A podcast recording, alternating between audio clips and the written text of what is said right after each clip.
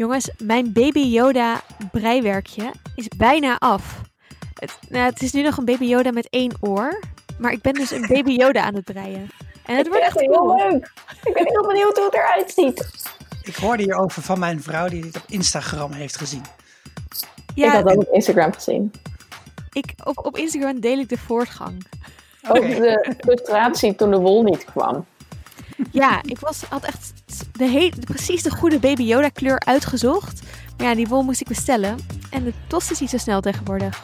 Baby Yoda Nee. groen. Is dat de eigen kleur? Dat, nee, maar misschien wel als ik het heel vaak ga bestellen.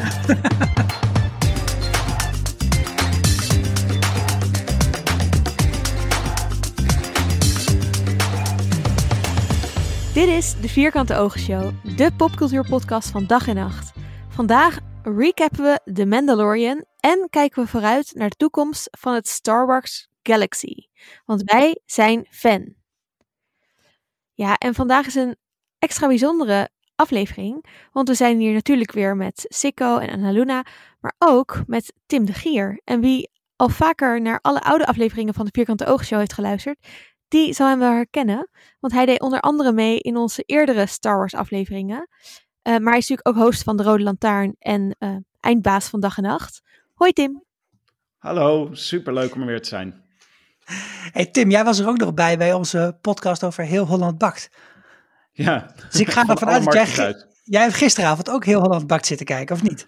Nee, ik zag wel dat het hier was, maar ik was nog even zo tussen kerst en oud en nieuw ben ik helemaal niet, niet in mijn normale ritme eigenlijk. Jij wel? Nou, ik heb natuurlijk wel gekeken. En ik eh, zag al natuurlijk in, in gelijk in het begin dat Jenny eruit ging. Dat was duidelijk.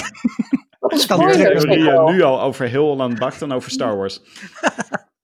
Ik moet ook nog kijken, maar ik heb er wel zin in. Als je, na- ik vond het echt een hele leuke aflevering die we toen gemaakt hebben. Volgens mij is het de eerste van Ja. Vierkante Oogshow. Dus als je nu denkt, wat? Vierkante Oogshow over heel Holland bakt? Jawel. kan je even terugluisteren. Dat was eh, dat seizoen dat die ene jongen won die bij zijn oma woont. Ja, Spoilers. Ja, en met die ene vrouw die, die al een kookboek had gemaakt. Oh ja, oh ja, dat was nog een heel schandaal. Een Holland bakgate. nee, dat, was, dat waren twee verschillende seizoenen. Ja, Hans ja, was het ah, eerste dat dat dat die, met die vrouw die dat kookboek had, was het seizoen erna. Toen die Turkse Anna won. Met die tulpentaart. Ik dacht dat we het daarover hadden in de aflevering, maar... Nee, Oh. Nee, dat weet je waar wij het toen over hadden? Over het seksisme van André van Duin. Die de hele Ja. tijd grapjes maakte over... eh, Over Jannie. Die En de, is. en de vetshaming. ja, niet oké, Oh ja. André. Hm. Is wel verbeterd. Ja? Ja, Hij heeft ja. vast geluisterd naar onze aflevering. Ze zijn ook Oh. alle drie dunner dan ze toen waren. Dus misschien is dat ook een eh, Mm. oorzaak. Hm. Hmm. Ehm, eh, zoals je waarschijnlijk wel kan horen, nemen wij nog steeds allemaal op vanuit onze kasten en studeerkamers. En eh, zelfs Tim vanuit het verre Nijmegen, of niet? Ja, zeker. Maar wel ook in een werkkamer, net als jullie. Dus allemaal in onze werkkamers, kasten en eh, logeerkamers. Gelijk Heel toepasselijk. Ehm, en ehm, ehm, Tim, jij vertelde dat eh, er super veel gestreamd is tijdens de feestdagen, toch? Zeg maar de, de series en, en films. Nou, er wordt dus altijd heel geheimzinnig gedaan door Netflix en eh, door Disney Plus en Amazon Prime over hoeveel mensen er nou naar die series kijken. Maar je hebt Nielsen, die probeert dat nog een beetje, die heeft dus een manier gevonden om dat, eh, om dat te berekenen hoeveel er gekeken wordt. En daaruit zag je dus een top 10 met alleen maar Netflix-series en vier bovenaan The Crown. Kijk. Wauw. Dus allemaal Is mensen die echt dit iets voor de kerst. Is iets voor de kerst ook hoor. Ja, mensen die het allemaal hebben op Netflix, zitten, zitten sparen. Maar geen Ja. Disney Plus. Eén Disney Plus op nummer 7. Jullie raden nooit welke serie. Mando, Mando. ja, maar het viel mij gewoon op. Ik vond het leuk dat de Crown bovenaan stond. Want ja, ik vind de Crown net zo leuk als jullie. Ik heb ook jullie afleveringen geluisterd. Maar het viel ook op dat er gewoon niks van HBO in de top 10 staat. Dat is best wat heeft gek. HBO momenteel dan eigenlijk? Ja, ik heb goede verhalen gehoord over Succession, maar dat heb ik dus nooit gekeken. Dat is Hmm. ook echt geweldig. The Ja. Leftovers is de beste HBO-serie die ik ooit heb gezien. Een van mijn all-time favoriete series ever. Maar ja, het is wel al best oud. Of nee, een paar jaar oud. The Leftovers, mensen. Ja. Maar is er nu Van, iets van eh, van die gast van Buffy the Vampire Slayer, toch? Hoe heet die? eh, George Whedon. De Leftovers, of niet? Ik weet niet of die het gemaakt heeft. Maar Justin Theroux speelt en Carrie Coon spelen de hoofdrollen. Ah ja. Hmm. Ehm, nee, ik weet niet of er nu iets van HBO loopt. Ik kijk nu niks van... Oh jawel, um, Lovecraft Country ben ik aan het kijken. Dat is echt best wel vet.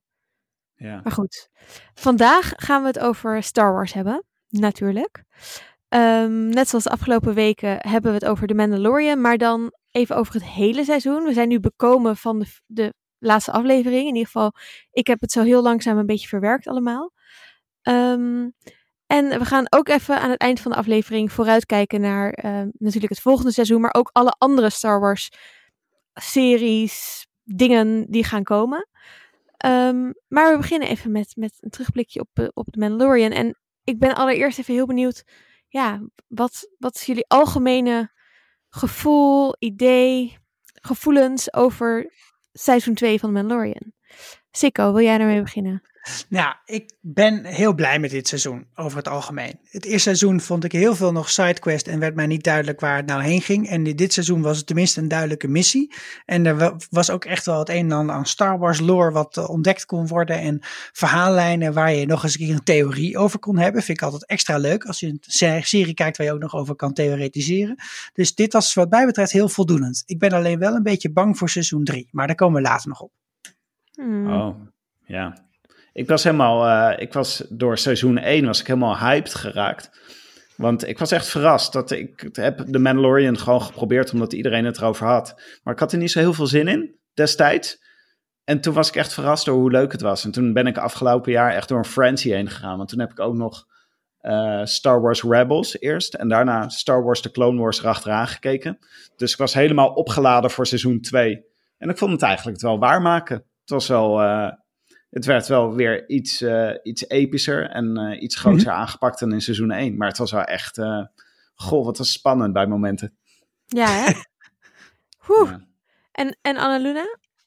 Ja, ik had natuurlijk um, aan het begin al gezegd van nou, ik weet het nog niet helemaal met de Mandalorian seizoen 1. Af en toe miste ik gewoon de context. En dat had ik soms nog steeds wel in dit seizoen, maar het was al veel en veel beter. Dus ik vond het wel echt leuker. Um, ja, maar ja, ik blijf wel soms dan dus eigenlijk geïnteresseerder in het politieke verhaal erachter dan in een space achtervolging. Hoe vet ik verder Ice Spiders Biggest Hounds ook vind. yes. Het was wel een beetje zo hè, tijdens dit seizoen dat je veel informatie, achtergrondinformatie nodig had om betekenis te geven aan de dingen die er in de serie gebeurden. Ja, en ik was dus heel blij dat ik met twee experts elke keer aan tafel zat die dat dan konden duiden en zo. Maar ik kan me wel voorstellen dat het ook lastig is voor mensen die gewoon inrollen. Nou ja, ik dacht dat ik expert en fan was, maar toen zat ik met Esther in een podcast. Dat was uh, even een andere koek van Jaap. Ja, maar dat ben ik eigenlijk geworden, meer dan ik was, door dit seizoen van The Mandalorian. En ook mede dankzij Tim, die tegen mij zei, ja, maar als je The Mandalorian gaat bespreken in de podcast, moet je ook echt Clone Wars en Rebels kijken.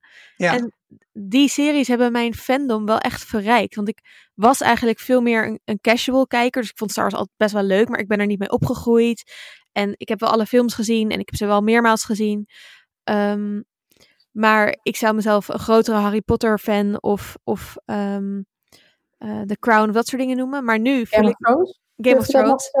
Ja, Game of Thrones. oh ja, verdomd. Ja, ben ik misschien ook wel heel erg nerd in. Um, maar ja, dit seizoen van The Mandalorian vond ik echt heel leuk. En het gaf zoveel reden om weer wat dieper in, in de Star Wars ja, uh, informatie, lore te duiken. Dus van ja, als het over de Darksaber gaat, dan wil ik alles over die Darksaber weten. En als, als we het over de Mandalorian Creed gaat, ja, wat is dat eigenlijk? Dat, ja, het prikkelde me wel heel erg om meer meer uit te zoeken en om lekker de hele tijd op YouTube naar allemaal video's te kijken van allemaal ja. Star Wars nerds. Uh, Disney maakt het je ook makkelijk. Hè? Je kunt, uh, als je een beetje naar beneden scrolt in die Star Wars sectie, dan krijg je op een gegeven moment uh, films met Darth Vader als, uh, zeg, als, als categorie. Dat ik denk, nou, het is een beetje makkelijk kiezen. Maar ook alle afleveringen van de tekenfilmseries van waar Ahsoka in zit bijvoorbeeld, kun je dan kijken achter elkaar. Dus ze maken het je ook wel een beetje makkelijk om jezelf in te lezen of in te kijken. Ja, maar dat is natuurlijk wel het verschil. En dat is wat Annaluna denk ik ook een beetje zegt. Kijk, ik vind het echt leuk om in mijn vrije tijd al die video's te gaan kijken. Of al die andere series. Of de Wikipedia te gaan lezen over die ene planeet waar ze volgende aflevering misschien heen gaan. Maar als je gewoon meer een iets meer casual kijker bent, dan kan ik me voorstellen dat dit seizoen, dat je af en toe, nou ja, eigenlijk wat je zei net, dat je wel wat context mist. Of dat, dat wat voor mij voelt als, wow, dit is zo vet, want de Darksaber, wah. Dat, dat je dat dan veel minder hebt. Terwijl ze dat het wel een beetje maken, denk ik, voor de mensen die dat echt heel erg leuk vinden. Nou, wat ik dus opvallend vind, eh, ik vind het dit seizoen al veel beter dan het vorige seizoen. Want toen dacht ik echt de hele tijd mee van waar gaat dit naartoe? Waarom moet ik dit kijken? Ik snap het gewoon niet helemaal. Behalve dat er een heel cute baby Yoda in zit. Dat, dat was echt wel het haakje. Voor ook de meeste mensen, denk maar ik. Ja. Extreem cute. Nee, dat is waar. Maar um, dan, ja, ik bleef dus elke keer met vragen zitten van... Maar wie zijn nou deze mensen die hij dan verder tegenkomt? En waarom gaat dit zo? En waarom gaat dit zo? En dat vond ik heel jammer. Ehm, en dit seizoen vond ik het dus echt al aanzienlijk beter. En is er al inderdaad, wat Sikko zei, er is al veel duidelijker echt een missie waar, uh, waar je naartoe werkt. Um, maar dan nog vind ik dus eigenlijk dat er wel heel veel dingen open blijven of een beetje onduidelijk of impliciet. En dat, ja, ik heb daardoor een beetje vragen over wat Disney wil met deze serie. Want volgens mij willen ze eigenlijk ook een jonger publiek bereiken dat misschien nog niet zo diehard oud Star Wars fan is. Het is ook niet voor niets bij Disney. Dus ik kan me voorstellen dat ze denken, nou, dit is onze kans om tienjarigen binnen te halen. Um, maar ja, dan, dan hebben die mensen denk ik toch wel heel veel vragen als ze dit kijken. Nee, maar dit is toch niet gemaakt voor tienjarigen? Ik vind de Mandalorian juist echt heel erg gemaakt voor de mensen die altijd al Star Wars hebben, die zijn opgegroeid met Star Wars. Volgens mij zijn die tekenfilmseries en zo meer voor tienjarigen. Dat gevoel heb ik erbij, maar I don't know. Ja, Star Wars Rebels was echt bedoeld voor tienjarigen. Dus dat was echt een poging om, uh, nou volgens mij ook niet tienjarigen, zeg maar 12 tot en met 14 of zo, voor mensen om in te haken. Ja, ik dit is iets meer bedoeld voor de diehard fans volgens mij, of voor, uh, voor gewoon de bestaande fancultuur. Ja, ik denk ja. dat je dit als tienjarige niet zomaar mag kijken van je ouders hoor, als ik heel eerlijk ben. Nee, dus ja, je, kunnen, maar... je, mag blijkbaar wel met mes op zak op straat lopen, maar dit... Nou, uh, dit... Weet je wat dus echt, wat echt bijzonder weinig in de Mandalorian zit? Dat was mij opgevallen. Seks en romantiek en, en lust Drugs. en dat soort dingen. Drugs ook niet. Nou ja, misschien is niet blauwe wel wijn. maar ook niet eens zo heel gruwelijk of zo. Dus ik denk, het is, ik vind het best wel een kinderserie op veel fronten. Maar ik vind het, vorig seizoen was dat voor mij nog wel meer. Dus dit seizoen is al wel wat volwassener. Um, maar goed, ik denk aan het gewoon vanuit Disney en, en zijn bedrijfsmodel, denk ik dat ze zoveel mogelijk mensen binnen willen halen hiermee. Ja. En ze ook iets mogelijk goed mensen maken die met een heleboel in, mensen. het, heb ik in het de vorige trilogie inderdaad teleurgesteld zijn geweest. Ja.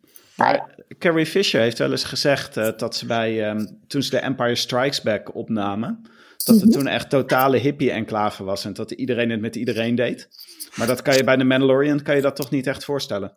Nee, totaal niet. Nee, dat, dat vond ik, toen ik erover na ging denken, zo gek dat ik dacht, wow, ik bedoel, verder is het ook niet per se zo in de, in de Star Wars films dat het nou heel erg over romantiek gaat. Hoewel, Anakin Padme, it's a thing. Ja, Dat is toch geen romantiek. Dat is gewoon zo romantisch. geestdodend. waar, waar is de net Padme van de Mando? Empire Strikes Back gezien. En Leia is wel de hele tijd in een soort van halve flirt met Luke en Han Solo. Dus wie vertelt mij dat het niet over romantiek gaat? Nou, ja, inderdaad. Waar zit het love element? Ja, nou, en andere uh, elementen uit Star Wars. Er zit- meestal zit er ook vrij veel comic relief in Star Wars. En Ja. bij The Mandalorian valt me dat best wel tegen. Ja, dat is Nou, dan ik Baby. Yoda die dan een cookie Ja. met de Force doet of zo, toch? Nee, er zit, Mandalorian zitten echt wel van die grappige... de- bijvoorbeeld die, die stormtroopers de hele tijd die niks kunnen. Al die standaard... Jawel, jawel. Dat, dat ben ik met je eens. Maar ja, je, je mist wel een klein beetje de K2SO-robot of de Han Solo of zo. Je, hoort, je mist een beetje die echte witty humor. Die, die vind ik er... Ik vind het allemaal vrij serieus. Ja, en ook gewoon de slapstick met Darth Vader die zeg maar achterover van, van zijn toren afvalt of zo. really? Ik heb er dus vanmiddag zitten kijken. Maar dat Ik weet hebben niet of veel mensen in uh, Darth Vader slapstick hebben gezien. nee. En ik, ik vind dat er juist dus best wel veel in zitten. Dus hè, als er zo'n beest, dan gaat toch de een na de andere stormtrooper gaat op een hele suffe manier dood. En valt in eh, van een, van een Ja, nee, scooter af en, en botst Ja. tegen weer op. Dus dat slapstick vind ik juist best wel in de Mandalorian zitten. Maar wat, eh, wat vonden jullie eh, de leukste verhaallijnen in dit, eh, in dit seizoen? Ehm, ik denk dat mijn favoriete verhaallijn, en ook degene waar ik nog het meest nieuwsgierig naar ben, die van ehm Bo-Katan is. En van de strijd die gaat uitbarsten om Mandalore. Dus dan zit ik toch weer ook een beetje in die politieke hoek. Ik wil gewoon Game of Thrones in space. Begrijpelijk. Ja, ik Ja. vond het heel leuk dat Bo-Katan erin voorkwam. En ik, ik zei het eigenlijk ook al in de eerste afleveringen die we bespraken van ik wil meer leren over de Mandalorians. En ik had wel het gevoel Ja. dat we daar... Ah, ik had een beetje het gevoel dat we daar wel een soort van glimp... Glimp? Glimps? Glimps. Glimps. Een glimp. Een glimp.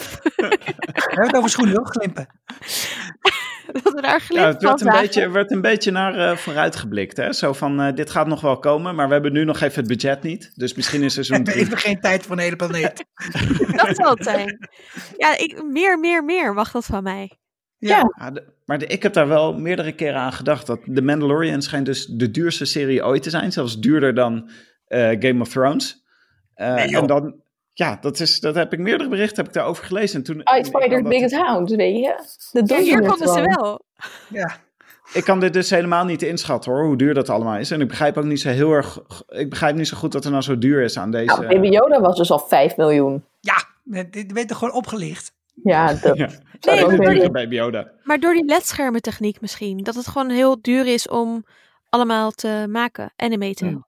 Ik dacht juist, Maar- als je een ledscherm neer, als je er een paar hebt, dan hoef je verder ook niet zo heel veel extra te kopen. Maar dat, ja, Nee, maar dat is dus wel een beetje met die verhaallijn van, over Manda eh, Mandalore.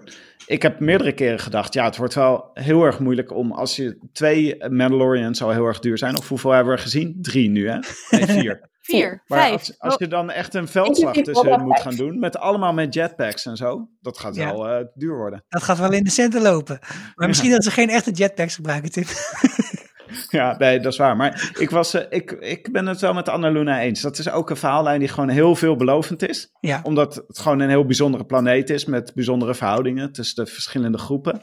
En dan komt Bo-Katan, komt zij heel even langs, dat je denkt, oh, dat smaakt echt naar meer. Ik wil weten hoe dit verder gaat. Nou, voor mij is het toch wel, eh, wat, wat is er nou met de Force aan de hand en hoe kun je die midichlorians, nou ja, niet de midichlorians per se dan, maar wat zijn ze nou aan het klonen? Eh, dat, dat soort dingen, die, die, die prikkelen mij toch het meest. En ik heb het gevoel dat ze daar dus in het volgende seizoen niet zo heel veel meer mee gaan doen. Maar eh, ja, ik vond het gewoon heel leuk om erachter te komen dat Grogu gewoon de, Jedi training had gehad. Of iets in ieder geval wat erop lijkt. Dat vond ik echt super leuk. Dat was vond ik ook heel superleuk. ja. Want dat had ik ook vorig seizoen gezegd. Van ja, ik snap, ik wil gewoon weten waarom ze achter hem aan zitten. En Ja, wat ze nou met hem willen. En daar zijn we wel achter gekomen. Dus dat, dat was natuurlijk wel fijn. ja, ik vond denk ik het leukste. Ik vond sowieso de leukste aflevering die met Ahsoka. Of course.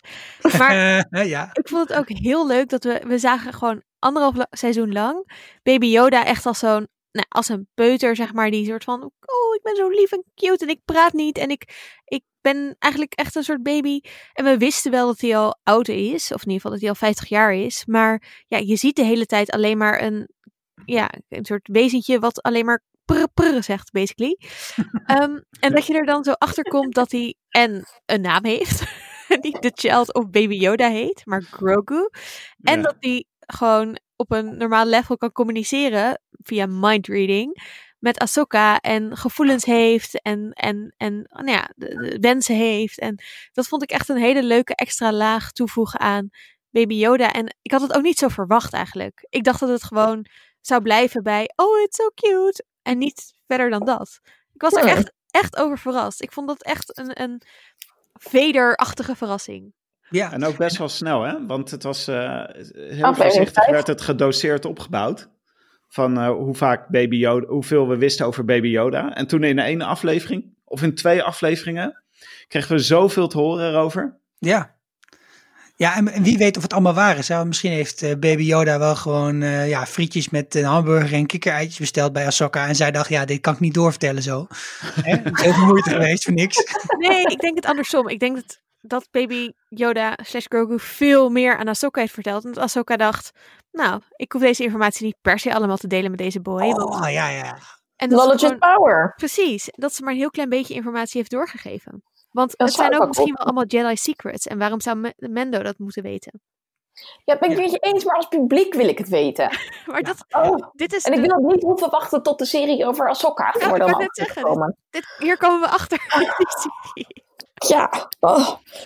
ja, dat is wel een beetje gemeen. Ja. Maar ja, dat was wel echt zo'n goede aflevering. En sowieso vond ik het zo leuk om Ahsoka te zien. En dat is denk ik wel echt ja, dat lijkt me wel jammer als je dus niet uh, Clone Wars en Rebels hebt gekeken. Overigens, als je dat wel wil doen, op vriendvandeshow.nl slash vierkante ogen vind je mijn lijstje, een beetje met hulp van Tim gemaakt, van welke afleveringen je dan, uh, dan moet kijken als je wil beginnen met kijken van Clone Wars en zo. Maar als je dat dus niet hebt gedaan, dan is Ahsoka gewoon oh, een Jedi met gekke staarten op haar hoofd. en voor mij was het echt, oh my god, Ahsoka, zo cool om haar als volwassen te zien en te weten wat ze nu aan het doen is en dat ze nog leeft. Ah, zoveel emotie. Ik heb, ja. ik heb gekeken naar zo'n behind the verhaallijn. Esther die Ahsoka leuk vindt. Ja, maar er is ook, ik denk dat voor heel veel fans die zijn, die de, zeg maar, de laatste tien jaar zijn ingehaakt, dat Luke Skywalker toch niet echt de held is waar ze zich heel erg mee kunnen identificeren. Omdat dat gewoon de held is, zeg maar, uit de jaren zeventig films. Uh, en een witte man. Film. Ja, ik wil daar straks nog wel even over renten. Ja. Maar dat, dat, uh, dat Ray uit die nieuwe films is gewoon niet zo'n heel erg boeiend personage. Ahsoka is eigenlijk veel leuker. En daarom is het voor ons eigenlijk ook wel heel erg leuk dat je dan, die, nou ja, je hebt helemaal met haar meegeleefd in de Clone Wars en in Rebels. En dat je nu de real-life versie van haar ziet. Dat dat voor heel veel fans die echt met Ahsoka zijn opgegroeid de laatste tien jaar, moet dat ook echt een geweldig moment zijn geweest. Ja, dat denk ik ook echt. Dat dat een Luke-achtig in de laatste aflevering moment was. Ja. Ja, en gewoon eigenlijk als teaser voor haar eigen show, toch? En dat maakt ons alleen maar enthousiaster. Ja, nee, dat vind ik ook zeer verdiend. ik ben wel heel benieuwd dat als nou heel veel fans hadden gezegd: Oh no, ze is echt veel minder leuk dan in de serie. En uh, dit is helemaal niet zoals ik er had voorgesteld. Of ze dan ook die serie hadden aangekondigd. Ja. Of dat ze het echt ja, daarvan dat... lieten afhangen. Oh ja, ja, ja. Nou ja, waarschijnlijk wel. Toch? Ja, dat denk ik ook, ja. Ik bedoel, een, een serie aankondigen is gewoon niet zo heel erg veel werk. Het gebeurt wel vaker en dan wordt het ook wel vaker niet gemaakt. Dus ik denk dat, het, als ze zeggen, nou ja, ga het misschien niet aankondigen als het niet landt, die hele Ahsoka, dan uh, ja, doe het lekker niet. Ja. En uh, de release date voor die serie is ook nog unannounced, volgens mij. Precies. Ja. We hebben nog niks op papier, man. Oh, jammer. Moeten eerst Boba Fett uitzitten. Ja. ja. Overigens nog één klein dingetje. Ik heb nog een keer goed gekeken, maar ze heeft wel twee verschillende lightsabers. Ja. Oh. Er zijn allemaal van die behind the scene dingen nu uitgekomen. En daar zie je het heel duidelijk in als ze staat te slow motion oefenen voor die dingen. Ze heeft echt een grote en een kleinere lightsaber. Heel ja, ik, ik had het ook al ergens gelezen. Dat ze één veel dunnere ook heeft. Mhm. ja. Maar wel wit, toch? Wel wit. Allebei wit. wit, ja, ja, zeker. En nog andere favorieten dit seizoen? Andere leuke personages bijvoorbeeld? Moff Gideon blijft gewoon chill blijft gewoon een heel leuk uh, bad guy, vind ik. En deze bad guy is net weer een beetje moderner dan de oude bad guys. Hij is niet helemaal 100% bad, volgens mij. Er is iets met hem. Maar ja, dat hebben we toch niet echt. Uh, we hebben toch heel weinig weer gezien, relatief. Dus ik ben nog steeds benieuwd. Ja, je verwacht een soort van. Uh, ik verwacht een soort van wending van Moff Gideon tijdens dit seizoen. Omdat jullie daar ook een paar keer over spe speculeerden. Ja. Nou, hij heeft er zelf ook van, op ja, gespeculeerd ja, maar het is wel de vraag waar die, dan, uh, waar die wending dan naartoe plaats gaat vinden. Je kan je misschien wel voorstellen dat hij ineens aan hun zijde komt te staan als zo'n Mandalore gaan vechten of zo. Of als hij First Order komt. Omdat mm -hmm. hij natuurlijk bij de oude uh, Empire hoort. Ja. Nee. Hoeft niet, maar, hoeft niet te betekenen dat hij ook bij de First Order hoort straks, maar, maar, dat is waar. Hij zegt een hele tijd, in, hij heeft in de laatste aflevering twee keer gezegd... We're gonna restore order in the galaxy. Wat ik echt van die soort van uh, ja. vond naar dit is de basis van de First Order. Dus ik denk juist dat hij een grote drijvende kracht gaat zijn in de First Order. Dan kan het natuurlijk nog steeds wel. Ik bedoel, dan zit je niet te wachten op een Kylo Ren of een, uh, hoe heet die, Snoke. Dus misschien dat, dat daar nog wel een soort van, um, uh, dat hij zich uiteindelijk er tegen gaat keren, omdat hij geen Snoke wil om naar te luisteren of whatever. Maar ik denk wel dat hij juist die beweging naar de First Order vertegenwoordigt. Ja, ja, en denk je niet dat wat die acteur Giancarlo Esposito, dat die zei van, ja, ik denk niet per se dat je in goed of slecht moet denken, meer gaat over dat um, ook dus deze, dit personage inderdaad order wil en denkt dat dat goed is voor iedereen. Dat je in zo'n machtsvacuum zit en dat, daar wordt wel een paar keer op gehind in de serie, dat het vacuüm dat nu ontstaan is voor heel veel mensen niet zo best is. Um, dus dat hij dan denkt van nou, misschien is dit dan een oplossing of zo. Ja, ja want datgene wat de, wat de New Republic aan het doen is, is in principe ook uh, met al die marshals op planeten, et cetera. Blijkbaar heb je één sheriff per planeet nodig, maar toch ook een soort van orde herstellen. hey, Weer dat woord, hè? Ja, ja. Ja. Maar wat ook, eh, wat ik, ik vond Bo-Katan dus ook een hele vette verhaallijn, een personage eh, die dat geïntroduceerd werd. Maar ook om een andere reden. En dat is dat je dat over, Mando, over Mandalorian, eh, de Mandalorian achtergrond van Mando ook steeds meer te weten komen. En ik ben echt heel erg benieuwd waar dat naartoe gaat. Want hij is zich in dit seizoen natuurlijk achtergekomen dat hij eigenlijk gewoon onderdeel is van een secte. Wat hij Ja. zelf volgens mij helemaal niet wist. Dat was heel leuk, een leuk soort van reveal. Ja. Ja, en dat is heel erg. eh, Dat is voor ons natuurlijk ook heel erg grappig om naar te kijken, omdat wij deze informatie wel hadden, doordat we het in de Clone Wars gezien hebben. Wij wisten het, weet je wel, je komt gewoon uit eh Death Watch en dat is gewoon een secte van gewelddadige strijders. En Men- Mendo die dacht gewoon, ja, ik zit bij een hele nette, moralistische, zit bij een soort Amish of zo. en die kwam maar achter dat hij juist bij de, bij de geweld, eigen eh, huis gebouwd voor niks. Ja. maar, ja, dat is dus een beetje. De, en dat kondigde Bo-Katan ook een beetje aan. En dat deze echt in twee zinnen zei ze gewoon: Oh, jij bent er zo een. En Ja, je je bent kon Mendo bent niet zien, maar je dacht toch, hij fronst op dit moment. Ja, nee, maar je ziet ook dat hij verandert hè, gedurende het seizoen. Ik bedoel, hij heeft twee keer zijn helm af of zo, of drie keer. Oh my god, dat einde. Ah. Ja, En, en ja, ook de ontmoetingen van Bo-Katan en Boba Fett doen hem natuurlijk ook inzien dat er niet maar één Mandalorian manier is. Eh, maar dat ze wel met elkaar ook wel weer dingen gemeen hebben, waardoor ze misschien samen voor de Mandalorian cause moeten strijden. Ik vond dat wel echt cool. Ik ben, En we weten nog steeds niet hoe Mandalorian, Mandalore achtergelaten is. Want daar hebben ze zeggen ze een paar keer dingen over. We weten dat er een purge is geweest. En ze zeggen op een gegeven moment dat het één grote ijsvlakte is. nee, ze Maar- zeggen, glas. ja, eh they turn Glas? it to glass. Oh ja, glas. En Oh ja. ja, maar ja, dat is toch... Kan we weten ijs nog zijn. Steeds, we weten helemaal niet wat er gebeurd is op Mandalore. Nee. Iets, de Empire heeft dus iets gedaan. En dat was één... Alle Mandalorians zijn verspreid over de hele galaxy. Het is van glas. Ik, ik zie een soort glas in loodplaneet vormen, maar dan glas in Beskar. Of iets in die richting. Ja, ja. Nou, in, eh, in Mandalore, op, eh, toen het nog een soort van peace was, daar hadden ze allemaal glas in loodramen. In de Clone Nee. Wars. Zeker. De enige plek die ik gezien heb in, in eh, Star Wars Galaxy waar ze dat hadden. Ja. Wauw. Nee, ja, en eh, wat ik ook heel leuk vond, wat ik was vergeten te zeggen in de vorige aflevering, toen hadden we het natuurlijk ook over Bo-Katan, dat ehm, Boba Fett noemt haar steeds prinses. Mhm. En dat, dat is omdat eh, zij de zus is van de oude Mandalorian, ehm, de laatste Satine. Mandalorian heerser eigenlijk, Satine. Duchess Satine. Dus eh, zij is inderdaad, je zou je kunnen zeggen, een beetje ja, Mandalorian royalty-achtig. En daar zit Boba Fett dus steeds een beetje eh, denigerende grapjes over te maken van de huh, princess. Maar ik vond dat ook wel een grappige soort van voor, weer zo'n glimps. van, Mhm. waar het Glimp. volgende, Een glimp. Een glimp is Engels, toch? een glimp van waar het volgende seizoen over kan gaan. Namelijk, nou ja, haar strijd om Mandalore terug te winnen. De rol die, ehm die Din Djarin daar misschien in kan, kan spelen. De rol van de Dark Saber daarin. Interessant. En misschien ook een soort parallel met ehm, de eerste trilogie films waarin Princess Leia eigenlijk een spannender personage is dan Luke, vind ik. En ehm de Mandalorian dan dus, daar kom je heel weinig over te weten. En dat is best wel saai. Ja. En dan via haar dus meer, wat leuk Ja. is. Wat bij Prinses Leia ook een prinses van de planeet, planeet die niet meer bestaat. Sad. Sad. Ja. Wel even spicy hoor, wat je zegt, Anna Luna. Dat, eh, dat je Leia een spannender personage vindt dan Luke. Ja, Dat Waarom? moet ik toch ergens zeggen.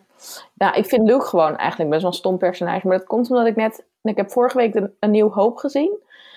En hij maakt gewoon echt nul emotionele ontwikkeling door. En dan zijn zijn oom en tante verbrand. En hij reageert gewoon eigenlijk niet. En dan heeft hij die hele nou- achtervolgingsscène... waarbij hij de dan uiteindelijk gebruikt. En al zijn collega-piloten zijn gewoon dood. En wat doet Luke? Juichen. Want Ja. hij heeft gewonnen. Dan denk ik, nou, ik bedoel, ik snap heus wel dat daar iets van euforie bij komt kijken, maar een soort van dubbel gevoel zou ook wel kunnen. Ja. En dat wordt echt wel beter in, in film 5 en in film 6, maar ik, ik vind het gewoon eigenlijk niet zo'n heel leuk personage. Ik ben het wel mee eens. Ik vind hem ook eigenlijk als persoon niet zo heel spannend. En veel van de verhaallijnen uit de oude films zijn ook eigenlijk best wel crappy verhaallijnen als je erover nadenkt. Ja. Maar het was zo, eh, het was zo buitenaards, hè, die films, dat, dat iedereen dat maar een beetje soort voor, voor lief nam. Maar er zat echt, eh, op heel veel plekken denk ik, dit, dit zou je nooit meer schrijven, zo'n plot. Dat doe je gewoon niet. Nee, en wat ik dan ook wel leuk vind van Lea, die allerlei dingen aan het organiseren is, in plaats van dan een beetje zeg maar in zo'n moeras met, met Yoda te trainen. Dat, dat vind ik gewoon film. spannender. Maar goed, Ja, maar Luke, wij zijn natuurlijk Luke ook gewoon. Hè? Dat personage is volgens mij ook zo geschreven.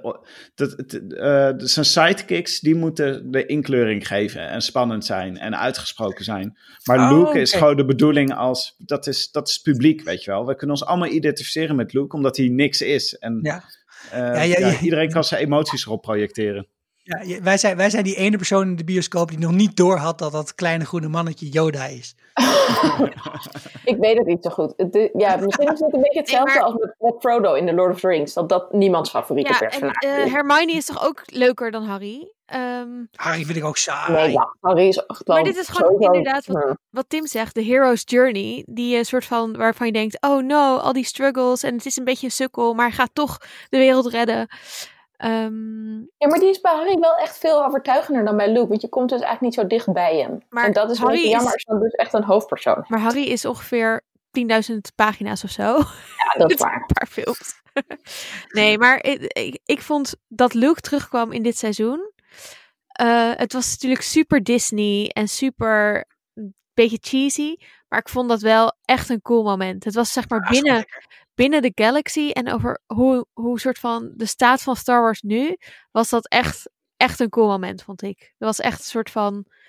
Ja, een terug, Ja. terug naar vroeger of zo.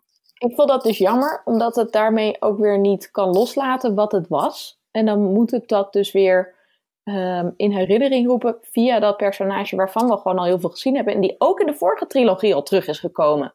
En daar een hele belangrijke rol in gespeeld heeft. Dus ik vond dat juist eigenlijk een beetje teleurstellend. Dat het dan toch maar weer een beetje via die geëikte weg moest of zo. En ook Ja. de manier waarop het dan gedaan was met... ehm, nou ja, met zo'n face erop ge, gediepfaked en dat geluid dat niet helemaal lekker liep. Ik vond het dus eigenlijk niet zo heel leuk, maar dat komt ook wel omdat ik natuurlijk zelf niet zo enorme fan ben van de Ja. oudere. Ik denk eh, dat ook wel veel mensen voor de tv hebben gezeten en hebben eh, ge- geschreeuwd. Nee, niet met Luke meegeven. Ja. Hallo, blijf gewoon bij Mando. Dat dacht ik wel hoor. Dat dacht ik zeker. Want waar gaat Luke naartoe? Ja, Ja. en nu zijn we kwijt, eh, jongens. Ja, maar en, eh, eh, er is natuurlijk ook iets met Star Wars die al heel erg lang proberen af te komen van de Skywalker-saga. Die dus gewoon zeg maar van die familielijn van Skywalker en dat, dat de uitverkorenschap van de Jedi een beetje proberen af te komen. En nieuwe verhaallijnen in de galaxy proberen te ontdekken.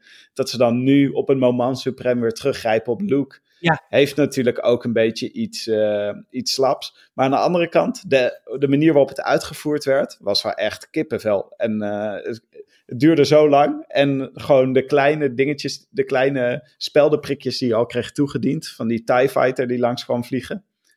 X-Wing. Oh, X-Wing, sorry, de TIE Fighters zijn... Nee, maar we wisten het eigenlijk ook al de aflevering daarvoor. Hè, van, nou, wij zitten toch een lijstje te maken. Welke Jedi zijn er nog? Of je weet het eigenlijk al sinds, ehm, hoe heet ze, eh Ahsoka zegt. Ja, en dan gaat hij een signal uitsturen. En dan komen de Jedi, kan er een Jedi op afkomen die, die nu nog in de, in de galaxy is. En nou, ja, toen hadden we het er al over. Zou het Luke zijn? Want die is nu op dit moment een, de nieuwe Jedi Order aan het proberen te vormen. Maar ja, je twijfelt, je twijfelt. Kan dat wel? Ik vond dat goed gedaan. Lekkere opbouw. Wat ik er ook echt wel leuk aan vind, is dat je ziet dat die verschillende ehm, verhaallijnen en die verschillende eh, verhalen die je dus als kijker via verschillende trilogieën of series meekrijgt, echt in elkaar grijpen. En dat dat klopt en dat dat leuk is. Dus dat vond ik er ook heel erg leuk aan. Maar vond het dus zelf wel jammer om weer zo'n not naar, naar de oude dingen te krijgen. Maar tegelijkertijd, bedoel, dit gaat waarschijnlijk niet een heel groot plotpunt worden van het volgende seizoen. Dus in die zin vind ik het ook prima dat het is opgelost met een scène. Ja. En dat het dus niet is van, hey, seizoen 3 gaat over hoe, hoe Baby Yoda dus door Luke getraind wordt. Hey, trouwens, waar ik niemand dus over hoor, is... Als hij door iemand anders getraind zou worden en dat dat wel het derde seizoen zou zijn. Wat ik, op, wat, bij, wat ik opvallend vind is dat niemand bij deze lijst Boba Fett zelf noemt. Zeg maar eh, de comeback of zo van de serie. Wat, eh, hebben we daar niks mee? Eh, ik vond die aflevering heel vet dat hij ging vechten. Ik vond ja, de, re- ik de reveal vond ik ook echt heel cool aan het eind van de eerste aflevering. Maar ehm, eh, ja, ik, heb, ik, ik ben dus echt team Ahsoka, Bo-Katan, Fennec. Ik vond sowieso even de vrouwen in dit seizoen echt allemaal freaking awesome. En heel cool dat er zoveel waren. Ehm, en bij Boba Fett, ik vind gewoon het verhaal van de Bounty Hunter niet zo heel interessant. Dus gewoon het, en dat zit super veel in Star Wars, dus ik snap dat het, dat het weer gaat komen. Clone Wars en zo, gewoon een, een missietje van de Bounty Hunter. Dus daarom, ehm, d- ja, ik, ik denk dat dat nieuwe seizoen van Boba Fett, ik, ja, ik heb liever een seizoen Ahsoka of een seizoen Mandalorian over gewoon de cause, zeg maar. Ehm, maar goed, ik vond het wel cool. Ik vond Boba Fett zeker cool. Maar alleen er waren zoveel andere hele coole dingen. Ik Ja. vond hem ook wel echt vooral cool in, in The Tragedy, waar hij inderdaad gaat vechten en dat hij met zijn spaceship terugkomt. Maar in aflevering 7 en 8 doet hij ook echt wel minder. Ja. Dus dat, ja, dan is je enthousiasme alweer wat afgekabbeld of zo. Het is ook een verwarrend personage. Hè? Dat hij- alle Mandalorians komen voort uit de introductie van eh, Boba Fett in Star Wars. ja. Alleen hij is geen Mandalorian. Of wel? Huh? ja. We zijn er nog steeds Ja. niet uit. Dit gaat natuurlijk ook gewoon een ding blijven. We gaan er nooit achter komen. It's disputed. En En hij is ook nog een kloon. En eh, hij is de zoon van Django, maar niet echt de zoon, maar meer een kopie. Maar wel de zoon. Nee, maar op deze manier proberen ze een beetje te doen alsof dit niet een heel groot verhaal over de, over de Skywalker-familie is, maar eigenlijk over de, de Vet-familie. Hè, dat die steeds wordt hij weer overal achterin geredcon, zo, nou stop hem hier maar in dan, stop hem Ja. daar maar in dan. Kijk of we hier Die een gast- beetje beklijven. Hij moet een identiteitscrisis hebben, die gast, jongen. Ja. Niet te geloven. Nou, eigenlijk gaat de hele saga sa- alleen maar over Skywalker versus Fett. Want al die clones zijn allemaal Fett-clones. Ja, Ja, ja inderdaad. Ach, Oh. zelfs Rex is een soort Boba Fett. Dat Precies. is ook... eh Nee, ja. Oh, dat dat, ik zag ook nog mensen die, die voorspelden dat Rex zou komen. Dat is Ja. een, eh, eh, iemand uit de Clone Wars. Een, een, een ehm, stormtrooper aanvoerder. En een hele goede vriend van Ahsoka. Met wie ze uiteindelijk ook ontsnapt bij Order 66. En het is echt zo'n cool personage. Ja, Ja, maar hij is wel oud, hè, denk ik inmiddels. Want hij was in Rebels. Rebels zat voor, eh, even kijken, Return of the Jedi, toch? In de timeline. En dan zijn we nu na Return of the Jedi. En Mhm. dan is Rex is echt al van, eh, zeg maar, eh, paar wereldoorlogen geleden. Hij was al, zeg maar, een grijze, grijze wat oudere man in, eh, in Rebels. dat is waar. Ik denk eigenlijk dat er in Ahsoka, de serie, wel een soort nod naar hem komt. Misschien gaat ze wel één keer gaat ze hem opzoeken à la Luke, Yoda in, eh in film 1. Dus dat, Oh, ehm, Sean Connery had hem echt goed kunnen spelen. oh my god, dat is hem gewoon. ja, dat, Ah. het is, hij is gewoon gemodelleerd naar Sean Connery. Ja. En dan gaat hij net op het verkeerde moment dood. Damn it. Maar ze kunnen alles met 2020. CGI tegenwoordig. ja, Ja, ja. Gewoon een deepfake. er zijn genoeg mensen die die stem na kunnen doen. Precies. Ah, ja. Hey, zullen we het even hebben over, over het volgende seizoen? Wat we denken dat daar gaat gebeuren? Of uh, hebben jullie nog, nog laatste dingen die gezegd moeten worden over, over dit seizoen? nou, ik wil nog wel de vraag stellen, hoe erg gaan we allemaal Baby Yoda missen? Maar echt, daarom ben ik er dus één aan het breien. Ik mis Ja. hem Ja, wel. Maar daar heb ik ook idee. gelijk ideeën over, eh, over Baby Yoda. Is dat, is dat dan een goed maatje voor je, Annaluna? Nou ja, misschien. Ik ben dus wel benieuwd. Ik denk ook dat het namelijk ruimte creëert voor andere verhaallijnen. Nu Baby Yoda zeg maar niet meer de hele tijd cute in beeld hoeft te worden gebracht met kikkereitjes. Ja, ja. Wat wel echt leuk was. Maar Had je wel veel geld over om Mandalore te CGI, denk ik. ja. Oh, het is Hey, gewoon een ik- bezuiniging dat hij meegegeven wordt. Precies, precies. Kunnen we Neem van die baby af? Hij is te duur. Ga maar. nee, ik, eh, ik heb toch nog in die laatste aflevering nog een, keer, eh, nog een keer gekeken. Want het is gewoon te leuk om niet nog een keer te kijken. En nou is het natuurlijk wel ergens logisch dat misschien eh R2-D2 even moet bonden met Grogu. En dat ze even met elkaar moeten lullen. Eh, maar ik vond dat het wel heel erg eh, soepel verliep allemaal. En dat ze elkaar wel heel goed leken te begrijpen. En toen dacht ik, hè? Waarom kennen die elkaar zo goed?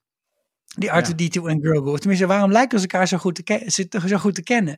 En eh, toen bleek ik niet de enige te zijn die dit eh, dacht. er zijn wel meer mensen die hierover na hebben gedacht. De theorieën gaan heel ver. Zelfs dat R2D2 Grogu in zijn buikje heeft, eh, heeft ge- gekidnapt, zeg maar. Of veilig heeft gehouden. Op het moment dat alle Jedi werden vermoord bij Order 66. Eh, Leuk. en Wow, diep. Oh my god. maar er is natuurlijk wel, er is wel iets aan de hand. Hè? Dus Grogu is getraind. hij heeft in training gezeten waarschijnlijk om een Jedi te worden. Heel waarschijnlijk wel op Coruscant of ergens bij een andere tempel of iets in de richting. En ik denk dat het wel zo zou kunnen zijn dat R2-D2 ergens in het verleden Grogu gewoon heeft ontmoet. Ja, dat lijkt me, lijkt me ook mogelijk. Ja, het is voor ons nog steeds onduidelijk hoe ver, uh, hoe ver hij getraind is. Want hij was wel ineens gewoon hoe hij die stormtroopers in elkaar ging beuken toen hij even gevangen zat en even aan de slag ging. Dat deed hij toch wel vrij efficiënt. Dus misschien heeft hij toch best wel lang in die training gezeten en daar R2D2 ontmoet. Ja, ja en, en dus misschien is het nogal groter en nog meeslepender het verhaal. Maar ja, ik denk dat daar nog wel. Het, ik denk dat ze wel expres dit hebben laten gebeuren in die aflevering. Daar hebben ze net een, net een beetje meer aangezet dan nodig uh, om Arthur Dito en Grogu elkaar te laten ontmoeten. Ja, ik... de, de, vraag is ook een beetje: wie was, als hij dan een Padawan was, een tijdje, wie was dan zijn master? Ja, ja, ja, Arthur Dito, nee, dat kan niet. Nee. Ja, of hij zat gewoon echt nog in dat klasje, wat je ook ziet in de films. Gewoon zo'n zo'n klasje met allemaal jong, younglings. Ja, en dan komt er een, een boze Anakin Skywalker voorbij en die maakt ze allemaal een uh, klasje kleiner. Ja. Hmm. Hmm. Ik, um, ik vraag me, ik denk eigenlijk dat we daar niet zoveel over gaan leren. Dus ik denk dat we in het volgende seizoen um, wel misschien Baby Yoda nog een keer gaan zien. Dat er een soort van uh, hulpvraag komt. Of dat, dat, hij, dat hij hem ergens voor nodig gaat hebben. Of, of zoiets. Dus dat we vooral Mendo volgen. Dat maar... ze in een kleine tunnel iets moeten doen en een klein mannetje nodig hebben. Precies, een heel klein handje. nee, ik denk eigenlijk dat ze misschien dus oké, dit is wat ik denk er gaat gebeuren. Er komt een soort strijd om Mandalore en op een gegeven moment gaan ze de hulp van de Jedi inschakelen. En, en dan, als ze dat gaan doen, dan ontmoet hij Baby Yoda weer. Dat denk ik. En dan zien we even hoe het met hem gaat. En dan is hij met die bal en dan geeft hij hem die ene bal. En dan zo, oh, nu doe me zo lief. Maar dat is gewoon één aflevering, vrees ik. Mhm. Dat het echt een side story wordt. Want ik denk echt dat het verder gaat over de strijd om Mandalore, um, de, de strijd tegen Moff Gideon, meer die dingen. Dat, dat is mijn theorie over het seizoen 3. Oké, nou, nou, misschien is het ook niet voor de Mandalorian, maar wat er natuurlijk ook nog aan de hand is, is dat Grogu nu niet kan praten. Hè? Maar hij kon dus wel praten met Ahsoka, of in ieder geval iets delen. Um, maar ja, Grogu heeft waarschijnlijk allerlei dingen meegemaakt en gezien uit een tijd dat Luke nog niet eens geboren was en zeker nog geen Jedi was en hij wel. En uh, je hebt altijd een beetje het verhaal dat Luke is op zoek gegaan naar die boeken. En die heeft dan geprobeerd de Jedi Order te restoren. Maar ja, Grogu heeft wel ook les gehad in allerlei dingen. Die heeft misschien zelfs ook Anakin Skywalker wel ontmoet in zijn, in zijn eh, jonge dagen. Toen hij nog echt een kikkervisje was. Dus het zou ook nog wel eens heel mooi kunnen dat misschien met Arthur Dito als interpreter. Maar dat Grogu Luke gewoon nog een heleboel dingen gaat vertellen. Die interessant worden voor het verhaal. En daar komt mijn laatste voorspelling. Hij gaat iets vertellen aan Luke uh, wat een soort aan hem blijft knagen. En hij gaat dat zien in de droom van Kylo Ren. En daarom wil hij Kylo Ren in zijn droom vermoorden. Zo, ik ben klaar. Wow. Ja. Maar hoe gaan we dat dan zien in seizoen 3 van The Mandalorian? Dat toch The Mandalorian heet en niet Baby Yoda en The Skywalker. Baby Yoda en Skywalkers. Leuke band.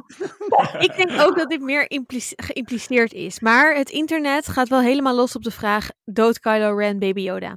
Dat is wel ja, echt oh, dat is ook belangrijk. Ja, ja, ja, ja. Want we weten dus dat Kylo Ren uh, in zijn woede allemaal jonge uh, uh, Jedi vermoord die Luke aan het op opleiden is. Nou, daar kan Baby Yoda er natuurlijk één van zijn. Ja, ja maar er is ook, qua timeline is er wel iets ingewikkelds natuurlijk. Is dat het duurt niet zo heel lang meer voordat de First Order en Kylo Ren en zo plaatsvindt. Terwijl die Baby Yoda die groeit super langzaam, hè? Dus ze, ze kunnen niet zo heel veel kanten meer op als dat zo is. Als Baby Yoda dan doodgaat, dan kan hij niet zoveel ontwikkeling meer meemaken tot die tijd. Ik denk eigenlijk dat Baby Yoda op soort van uitzendingsmissie, logeerpartijtje bij Mendo is op het moment dat Kylo Ren losgaat. Oké, dat, dat vind Baby ik Yoda gevaar gaat blijven.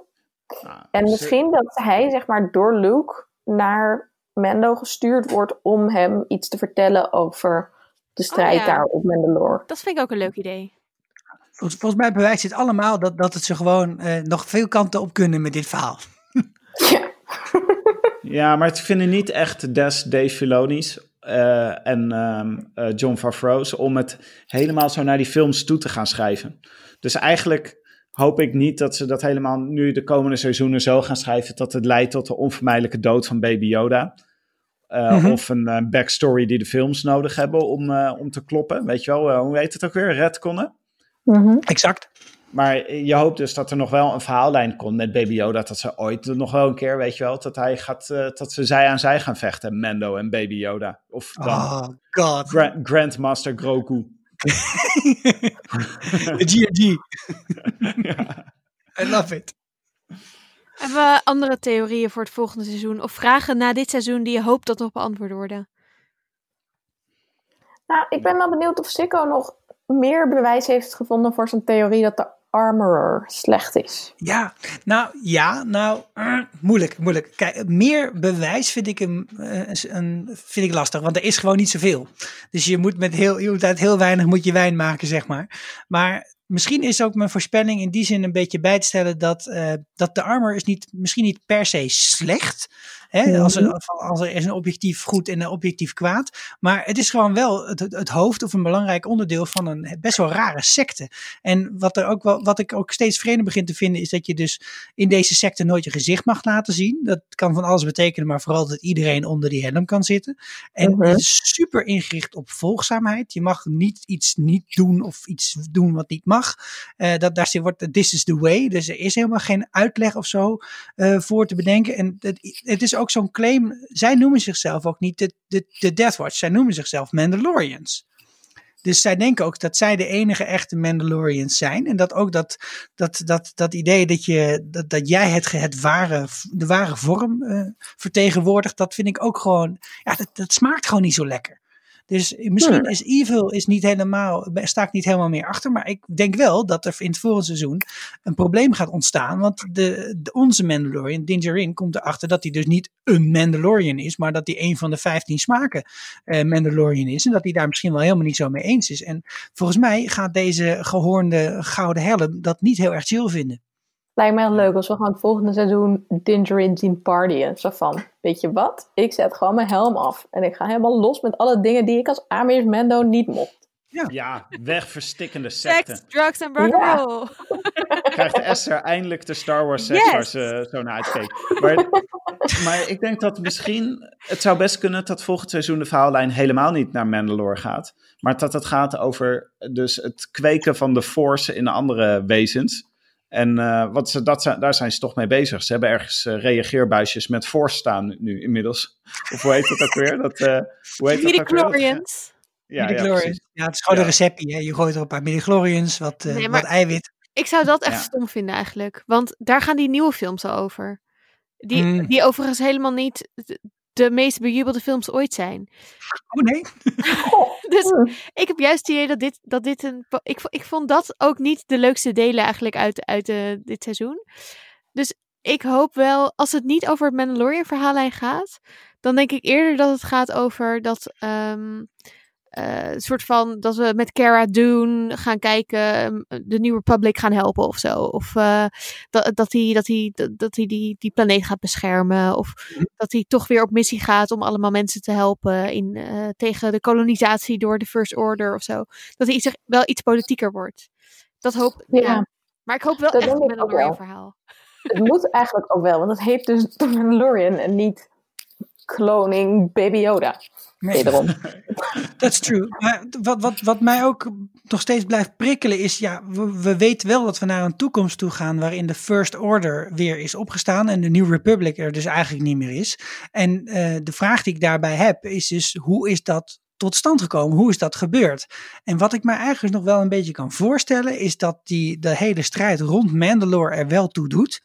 En dat eh, dat, dat misschien wel juist de combinatie met Bo-Katan en Moff Gideon hier belangrijk in is. En dat die Mandalores misschien wel helpen om de First Order weer de, eh, hè, weer de grote baas te laten worden in, het, eh, in de galaxy. En dat we dat Ja. door de ogen van eh, Din Djarin gaan zien. Dat, dat is eigenlijk een beetje wat ik ver- ver- vermoed. Hmm. Ja, dat zou goed kunnen, omdat Ja. Ma- bij Mandalore is toch ook altijd een beetje het ken vriezen of het ken dooien. Ja. Maar liever heb ik dode Friesen. ja, maar ze waren ook Dus altijd neutral. Hè? Ze, deden, ze hielpen niet eh, de, de Senaat tegen de clo in de Clone Wars. Ja. Het Nee, Maar zijn daarom niet is het ook zo briljant. Daarom is het is er gewoon zo, zo goed geweest voor dit hele universum. Is dat je gewoon zo overduidelijk de dark side en de light side had. Dat het goed is dat Mandalore daarbij is gekomen. Wat gewoon een planeet is waar gewoon de lijnen helemaal niet zo duidelijk zijn. Ja, vind ik Dus ook. dat maakt ook Ik in deze serie, maakt het ook gewoon, we leven gewoon mee met een bounty hunter, die, waarvan we eigenlijk de achtergrond helemaal niet weten, die ook nog tot een secte behoort. Een gewelddadige secte.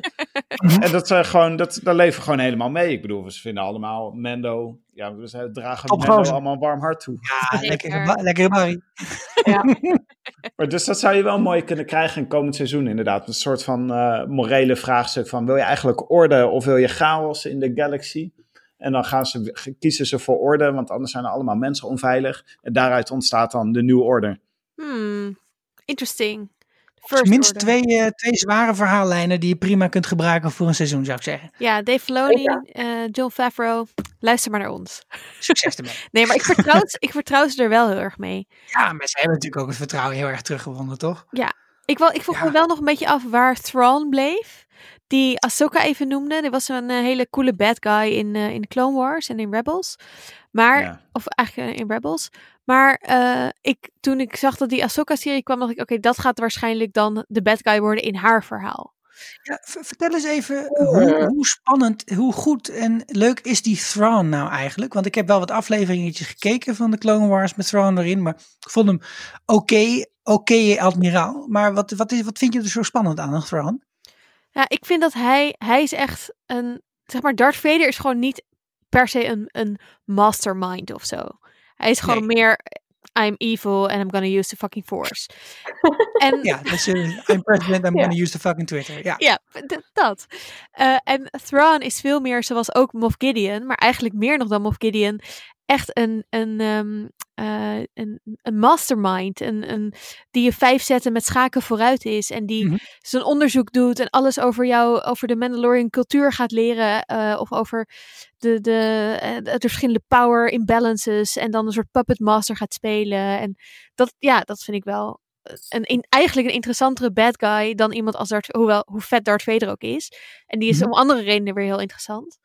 Ehm, maar het is niet iemand die je maar even verslaat door, door eh, met, niet dat Darth Vader dat is, maar door gewoon heel, heel goed te vechten of zo. Eh, Ja. Tim, jij Ja. hebt ook flink wat over hem gezien. Misschien dat jij nog wat kan aanvullen. Ja, het is eigenlijk gewoon de gentleman natuurlijk, de gentleman eh, villain. Dat is heel erg leuk aan hem.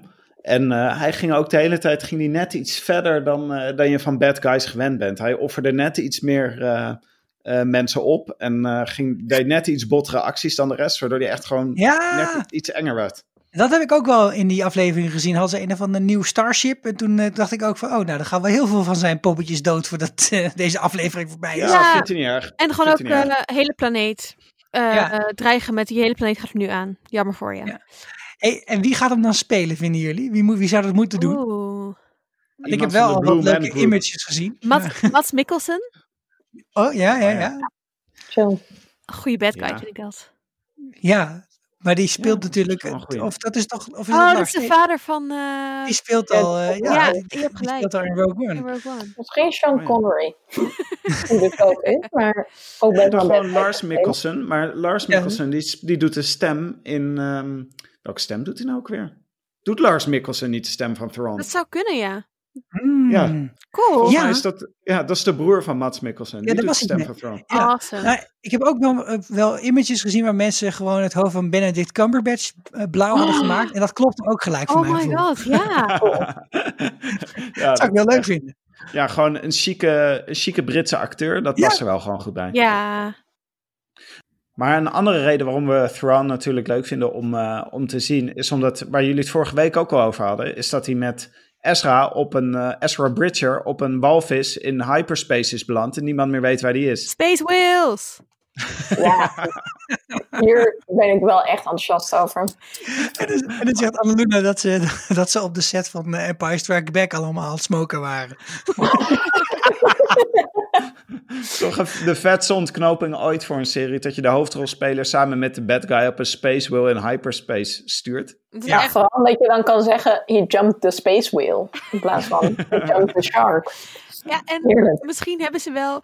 Ik, ik hoop echt dat Ezra Bridger terugkomt met een hele vlak aan space whales die zijn soort van persoonlijke dieren zijn geworden.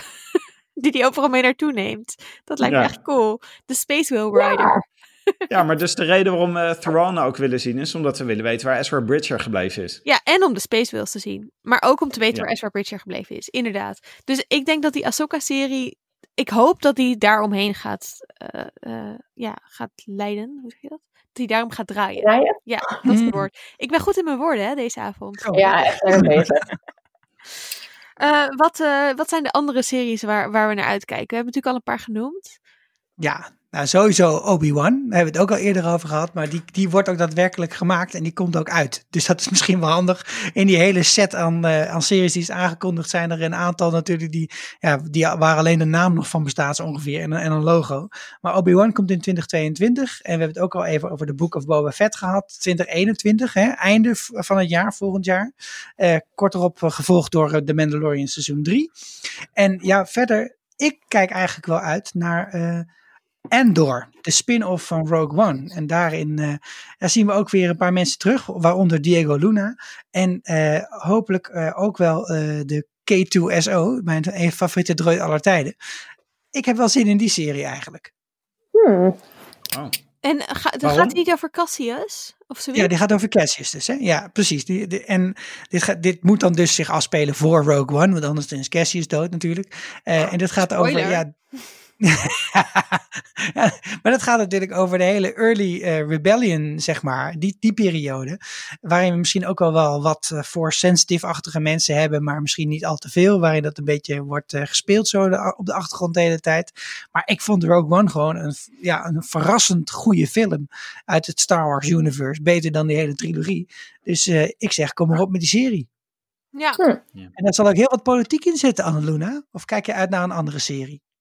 Nou, wil jij nog raden waar mijn oog op viel toen ik het lijstje doorging? eh? Ik denk, ik zag Donald Glover voorbij komen in Lando. Dus ik kon eigenlijk... Nee, Oh. nee, het is die over droids.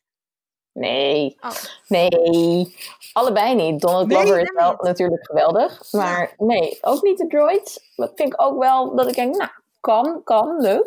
Eh, ik vind het heel grappig, ze gaan dus ook een serie maken, The Bad Batch, over een elite group of stormtroopers. Dus ik vind het wel leuk dat je ook misschien de andere kant van het verhaal kunt gaan zien. Ja, maar die, volgens mij zitten die ook in de Clone Wars. Daar gaat het heel veel Ja. over stormtroopers. Ja. Eh, alleen, Maar maar, dat is een tekenserie, weet je? maar is dit niet ook een te- of is dit wel een echte serie?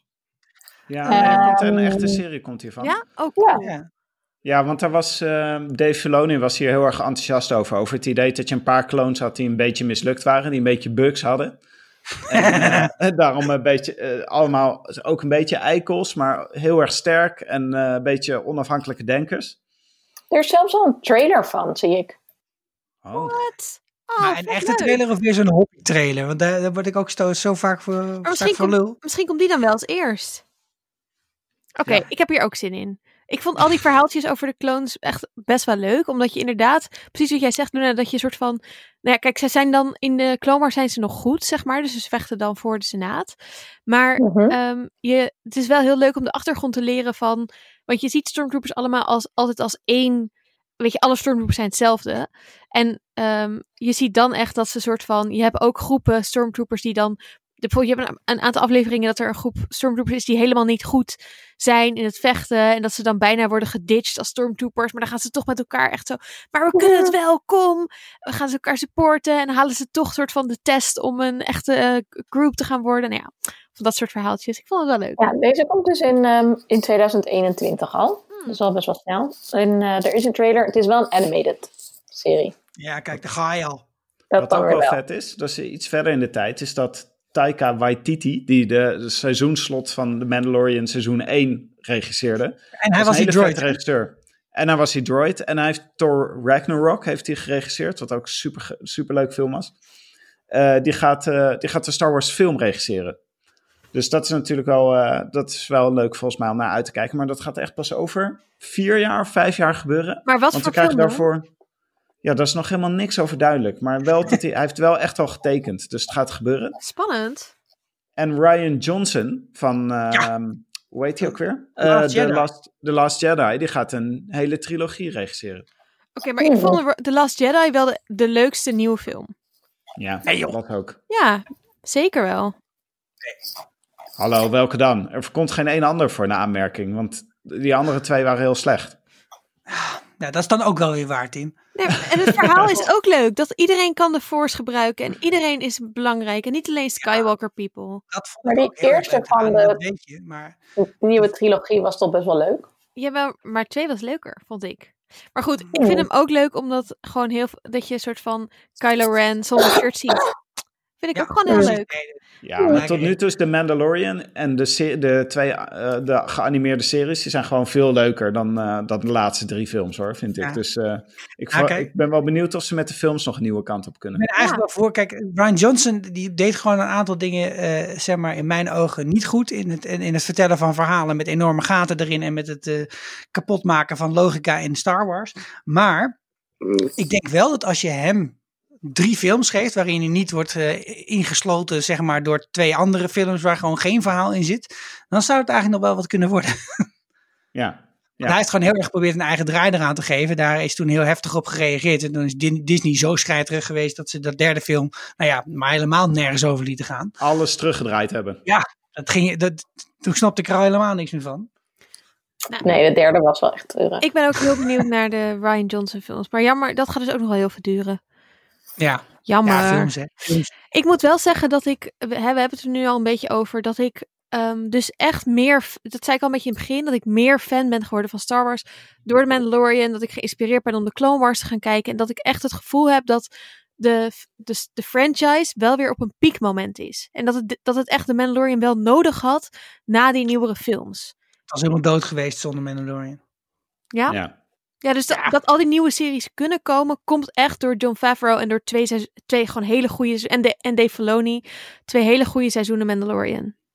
Nou, ik denk dat Filoni ook het heel slim gedaan heeft. Want hij- je mocht eigenlijk geen kant op natuurlijk van, die, eh, van het Star Wars universum. Je mocht niet zomaar allemaal, eh, allemaal nieuwe films eh, of series erbij gaan maken. Maar een tekenfilm, ja, dat mocht nog wel, weet je wel. En dat, is, dat heeft hij gewoon heel erg lang gedaan. Want ik bedoel, de Clone Wars is gewoon, dat is uit 2008 of zo. Ja, dat is een eh, laatste lekker, seizoen eh, was vorig jaar. lekker cashje geweest voor hem, denk ik. Ja, dus hij heeft gewoon tien jaar lang heeft hij gewoon allerlei verhaallijnen kunnen ontwikkelen. En nu ineens komen er echt eh, live-action series aan Ja. alle kanten en is alles mogelijk. Ja. Ja. Slim. Hey, maar dan, eh, dan weet ik dat wij een fanpodcast zijn. Maar aan de andere kant heb ik toch altijd wel het gevoel als ik weer drie Lego sets heb aangekocht van deze, van deze franchise. Van, ze doen het er wel om natuurlijk, hè, om al die troepen Je wordt goed uitgemeld, jij. Goeie Christ. Jij bent echt zo verslavingsgevoelig. Ja, Ja, maar, ja, dus ik ben het, ik ben het ermee eens. En ik, ik heb dus een dubbel gevoel. Want het is, nou ja, zei ik ook al even, maar het is ook Disney. Hè? Oh, er komt ook een Buzz Lightyear serie. Want Toy Story doet het goed. En, maar, dus dat is een dubbel gevoel wat ik erbij heb. Want ik heb er ook echt zin in. En ik word er ook echt blij van. En ja, ik vind ook een beetje, heel veel mensen zijn een beetje zuur erover van, ja, de Disneyficering van de wereld. En klopt wel, maar aan de andere kant, I'm eating shit up. Weet je, ik wil het. het is fucking 2020 nog Geef me steeds. meer, geef me Geef meer. me meer. Waarom is die Ahsoka-serie er pas over twee jaar? Ik heb het nu nodig. Dat is geen corona meer. Vind ik ook. Ja, dus je kan er niet tien aankondigen en er dan super lang over doen. Ja, dat Je moet vind ik gewoon, echt Als je tien aankondigt, moet je ze gewoon alle tien volgende week lanceren. Ja, Ja, doe gewoon een Beyoncé, mensen. Nee, maar dat is, dit, dit is toch de hele politiek die erachter zit. Ze hadden die investeerders weer nodig. Het, Ja. eh, het aandeel Disney moet weer wat gaan, eh, gaan opleveren. ja, maar ik ben dus Ik wel gewoon fan. team. Ja, dus, maar ik, ik heb, ja, je kan er cynisch over zijn. Je kan ook denken, ik ben een fan en ik ben heel blij dat er, dat Disney zoveel geld wil besteden aan mij blij maken. En ik weet Ja, dat het- dat ik- niet de reden ja. is, maar Ik hoop dat het een beetje goed is en ik hoop ook dat het een beetje vrolijk is en vrolijk wordt ontvangen. Want wat ik wel, ehm, toen ik dus film 4 en 5 opnieuw keek, die zijn gewoon heel goofy. Ze zijn helemaal niet zo serieus bedoeld. En het fandom is wel vrij serieus geworden en vrij ehm, religieus agressief over hoe er mee om moet gaan, om moet worden gegaan met de Star Wars Legacy. Wat je natuurlijk heel erg zag in de reactie op die laatste trilogie. En daar zaten echt hele slechte elementen in. Maar er zaten ook elementen in die altijd al bij Star Wars hoorden en gewoon niet fantastisch waren. Ja, En ik hoop dat dat bij de nieuwe series ook een beetje met een soort relativeringsvermogen kan worden gekeken naar de originele en naar Star Wars als algemeen fenomeen. Ja. ja Jij nou, wil misschien gewoon dat, een sitcom over Jar Jar Binks. Nee, dat, dat wordt, dat, dat wordt een, Oh my god, nee. dat wordt een Sithcom. Want eigenlijk is Jar Jar Binks is een slechterik. Oh god. Alsjeblieft. Deze You- YouTube rabbit hole eh, wil ik jullie aanbevelen. Ja, maar dan is die, die trilogie van Ryan Johnson is wel een interessante, want die moet zich echt af gaan spelen op een hele andere plek met hele andere mensen. Wat eigenlijk ook voor hem best prima is, want dan kan hij gewoon hyperspace skippen en eh, tracking beam en allemaal andere crap doen, hè, die dan in de andere kant van de galaxy gewoon nog niet uitgevonden is. Ik vind dat Ryan Johnson, of zo heet hij toch? Ja. ehm, eh, de Space Whales als hoofdrol moet doen. In, Ja, dat past wel Ja. bij hem. Ja. en Kylo Ren zonder shirt. Oké. ehm, ik, eh, ik heb er heel veel zin in. en ik denk ook dat wij er... Dat, nou ja, hè, we, we weten niet hoe de wereld eruit ziet in 2022. ehm, maar eh, ik eh, kijk er naar uit om weer heel veel podcasts over Star Wars met jullie te maken. Ehm, Ja, maar ook heel veel andere podcasts natuurlijk. Eh, we, we hebben van de week een Mean Girls kerstspecial opgenomen. Heel benieuwd hoe jullie die vinden. Luister vooral. ehm, eh, luister naar onze afleveringen over The Crown. Heel veel gebinged tijdens deze kerst. We hebben een hele leuke Hamilton special. Een Nola Holmes. Oh, ja. Je kan nu het hele seizoen van Undercover terugkijken. En onze afleveringen daarover luisteren. Ehm, en ehm, je kan naar vriendvandeshow.nl slash vierkante ogen om daar jouw reactie achter te laten op onze afleveringen. eh, dingen aan te vragen. Series, tips voor Clone Wars en Rebels te bekijken. Of te doneren. Net als Sjoerd. Dankjewel Sjoerd voor jouw donatie. Lekker bezig, Sjoerd. Yay! Eh, en ja, wij gaan, eh, wij gaan lekker verder in het nieuwe jaar. Eh, ik denk dat wij, eh, we gaan nog wat classics bespreken. Ehm Sikko wil heel graag over Jurassic Park praten. Dat gaan we ook. Jurassic Park. Oh, wat leuk. Nou, ik heb ook weer heel erg genoten hoor, dit seizoen van, eh, van recaps van The Mandalorian. Dus eh, ja, Jurassic Park, kom maar door. Yay. En er, er is een nieuwe Disney film uit, Soul. Eh, en die gaan we natuurlijk ook bespreken als Disney-fans die we zijn. Over hippie en trippen op de set gesproken. Dit is echt een trippy film. Ik ben heel benieuwd het Ik vindt. heb ook een stukje gekeken. Het is inderdaad, maar het is ook heel ontzettend mooi, mooi gemaakte film. Ja, Ik moet hem nog kijken, top. ik heb er echt zin in. En ook om hem met jullie Ja. laten bespreken. Dank jullie wel en tot de volgende. Tot de tot de volgende. volgende.